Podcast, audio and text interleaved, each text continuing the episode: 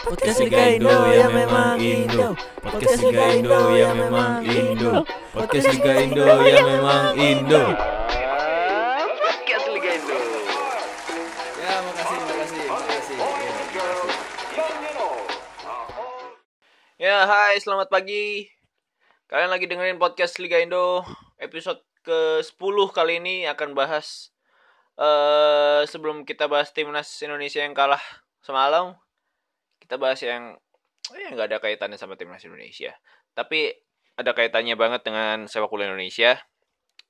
Buat kalian yang para pendukung Persija, kini aku akan bahas eh mengenai soal isu yang ada di Persija. Jadi itu isunya adalah apa ya? Eh, Bruno Matos. Bruno Matos. Ini sangat menarik. eh kalau dibilang kalau dibilang Bruno Matos adalah pemain paling kasihan di di Liga Indonesia saat ini ya. Pemain asing paling kasihan. Kalau yang kalian belum tahu, eh Bruno Bruno Matos sekarang adalah pemain Bayangkara United, Bayangkara FC, pinjaman dari Persija Jakarta. Itu ada konflik sebelumnya karena eh Persija Jakarta mencegah Bruno Matos untuk gabung Persib atau Persebaya, di mana itu adalah rivalnya. Si apa siapa namanya? eh Ferry Paulus bilang kalau eh kalau dia mau bermain sepak bola, Bruno Matos mau bermain sepak bola, tentu kami Persija akan memilih klub mana yang kami tunjuk untuk Bruno Matos. Kenapa begitu? Karena dia pemain kami. Kalau menurut kalian itu fair apa enggak? Kalau menurut kalau di peraturan itu fair. Kalau di menurut peraturan itu fair. eh ada beberapa klausul yang ya kalau kalian inilah kalau kalian belum terlalu paham soal itu, kalian bisa main eh, football manager di situ di situ juga juga juga di apa namanya di ada fiturnya. Kalau meminjamkan pemain ke rival itu ada ada pilihannya boleh apa enggak. Dan Bruno Matos ini termasuk yang tidak dibolehin sama si Persija Jakarta. Karena si Persebaya Surabaya dan Persib Bandung udah nawar si Bruno Matos yang tidak di apa ya, tidak didaftarkan di liga. Udah ditawar tapi sama Persija nggak boleh. Eh, kalau dari sisi situ oke lah kita setuju sama Pak Ferry Paulus tapi ada beberapa eh, hal yang memicu konflik yaitu seakan-akan Persija melarang Bruno Matos main di Indonesia di awal-awal dulu ya di awal-awal eh, konflik ini terjadi. Karena Bruno Matos sampai sampai curhat di media sosialnya kalau iya saya saya juga butuh saya punya keluarga saya punya eh, orang yang harus dihidupi di Brasil. Dan saya ingin bermain sepak bola karena itu adalah passion saya. Dengan dengan kata-kata seperti itu kita bisa asumsikan kalau dia nggak boleh nggak boleh main sama Persija tidak boleh apa namanya tidak boleh main di Indonesia sama Persija. Terus si Ferry Paulus bilang kalau "Eh, Bruno Matos sebenarnya mau pulang ke Brasil. Kalau dia pulang ke Brasil pasti kami setujui. Lalu ada opsi juga untuk menawarkan dia bermain bersama klub-klub di Indonesia tapi dia tetap milih keluar dan kembali ke Brasil Ternyata ada perkembangan terbaru. Bruno Matos ingin bermain di salah satu klub Indonesia yang menawar dia yaitu Persib Bandung atau Persebaya. Nah, Ferry Paulus bilang, "Oh, itu rival kita, nggak ada ceritanya.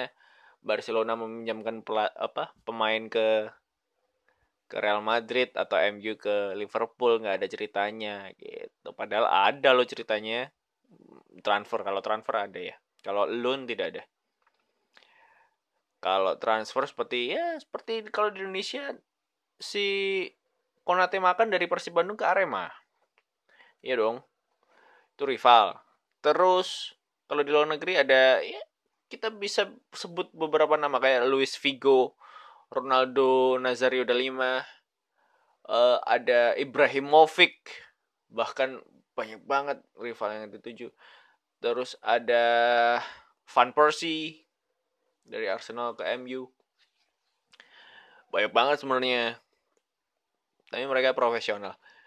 Kalau di Indonesia kan ya seperti itulah. Jadi eh, konflik ini konflik ini bisa dibilang terlalu dibesar-besarkan oleh media di Indonesia.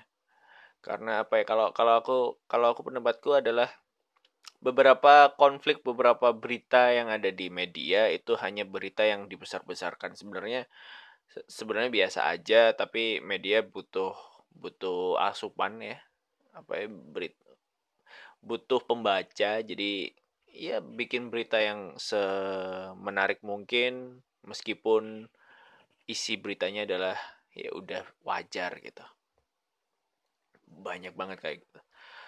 Terus banyak sebenarnya. Kalau mau diomongin soal pembesaran apa namanya pembesaran berita yang sebenarnya biasa aja. Tapi ada yang menarik selain Bruno Matos ya. Ada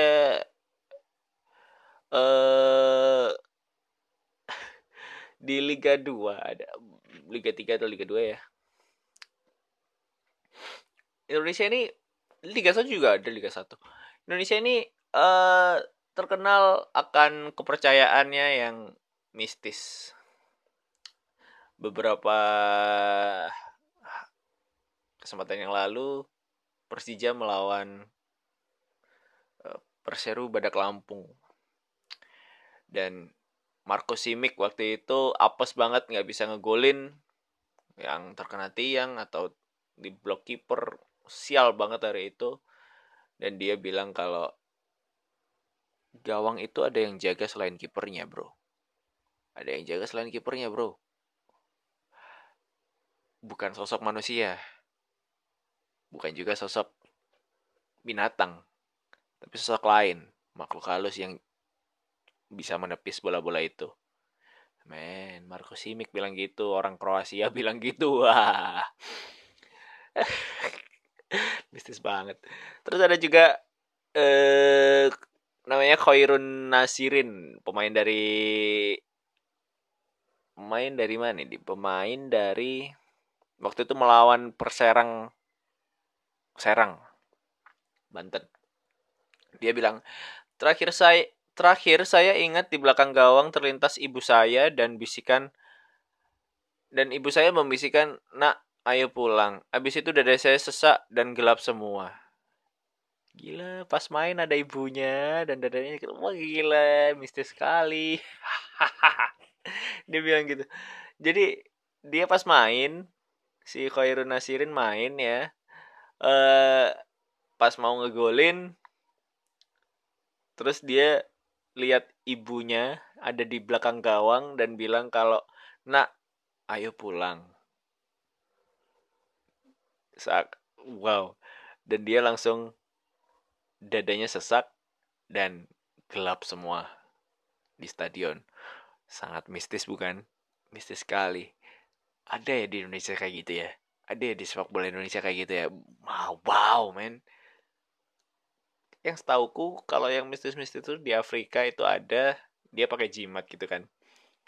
Kalian pasti ada yang tahu. Jadi di gawang-gawang apa klub itu dikasih jimat semacam ya benda-benda keramat gitu ditaruh di samping gawang atau di dalam gawang untuk mencegah gawangnya kebobolan. Ada kalau di Afrika ada kayak gitu. Karena kepercayaannya itu kan. Kalau di Indonesia mistis sekali ya. Bahkan orang Kroasia seperti uh, Marco Simic bilang gitu.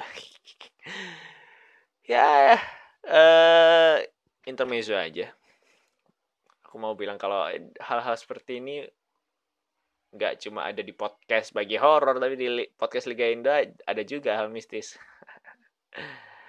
eh kita ngomongin apa lagi ya oh iya soal Malaysia kemarin. Ada yang benci sama Malaysia nggak sih di sini? Orang-orang Indonesia. Mungkin kalian yang orang Malaysia merasa eh Indonesia selalu benci dengan Malaysia, Malaysia selalu benci dengan Indonesia. Sebenarnya kita itu salah paham, bro. Sebenarnya, sebenarnya nggak ada apa-apa orang serumpun, ya gak? Cuma kita kita tuh terpancing provokasi-provokasi oleh oknum-oknum aja sebenarnya sebenarnya gitu ada oknum-oknum yang emang uh, nyari nyari masalah dan mengadu domba kita bro tapi ini aku akan beritain salah satu provokasi dari orang Indonesia ya Indonesia uh, upload berita soal turnamen di Cina, turnamen futsal di Cina yang apa? Ada kerusuhan Malaysia ribut sama pemain Cina. Uh, sangat ini sangat ribut. Wah, sangat ribut. Tawuran gila. Tuh.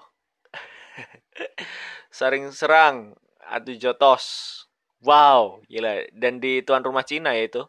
Malaysia cari ini ini captionnya adalah sesama Melayu ribut, sesama India ribut, sama Cina ribut, sama Arab, Arab Arab ribut. Power emang Malaysia gila. Semuanya diajak ribut sama Malaysia gitu captionnya. ah, semuanya diajak ribut sama Malaysia. Ya udahlah kalau kalau menurutku udahlah main Malaysia Indonesia itu serumpun nggak perlu ada nggak perlu ada tengkar-tengkar. Kalian yang bilang ya itu situ mancing duluan situ mancing duluan enggak sebenarnya itu yang mancing ente itu provokator bukan bukan orang gini kalau misalnya emang Malaysia benci sama Indonesia Siti Nurhalisah nggak mungkin berkarir di Indonesia okay. Ami Shirts nggak mungkin ada di Indonesia waktu itu. Uh, siapa ya yang yang sama Siala Majid nggak mungkin berkarir di, di Indonesia dan bikin lagu bareng Tohpati, uh, Anyer, uh, apa namanya? Anyer dan Jakarta. Nggak mungkin. Dan penyanyi-penyanyi Indonesia nggak mungkin dapat penghargaan di Malaysia seperti Cakrakan waktu itu Raisa dapat penghargaan di Malaysia beberapa lalu ada eh, nggak uh, mungkin juga Menpora kemarin minta maaf ke Menporanya Malaysia yang mukanya kayak Al Ghazali itu ganteng banget Menpora Malaysia nggak mungkin sedekat itu kalau misalnya kita bener-bener musuhan sama Malaysia nggak mungkin jadi yang kalian tahu Malaysia seburuk seburuk apa pun, Indonesia seburuk apa pun itu hanya ulah provokator, ulah yang pengen orang-orang yang pengen kalian perang. Itu untuk Malaysia Indonesia ya. Jadi aku tekankan di sini podcast Liga Indo menjunjung tinggi perdamaian. Tidak ada rival boleh. Indonesia Malaysia sangat amat uh, sengit rivalitasnya tapi eh, mari kita junjung sportivitas, damai, karena rival itu hanya kompetisi, jangan sampai eh, keluar dari ranah itu, seperti eh, pencurian budaya. Tidak ya, jangan sampai tengkar, atau antar pemerintah jangan sampai lah. Kalau tengkar-tengkar di netizen gitu aja di internet gitu aja santai lah yang diam yang waras gitu aja ya Malaysia Indonesia oke okay. Hah. Kita junjung sportivitas. Gitu aja podcast Liga Indo kali ini di episode ke 10 salam olahraga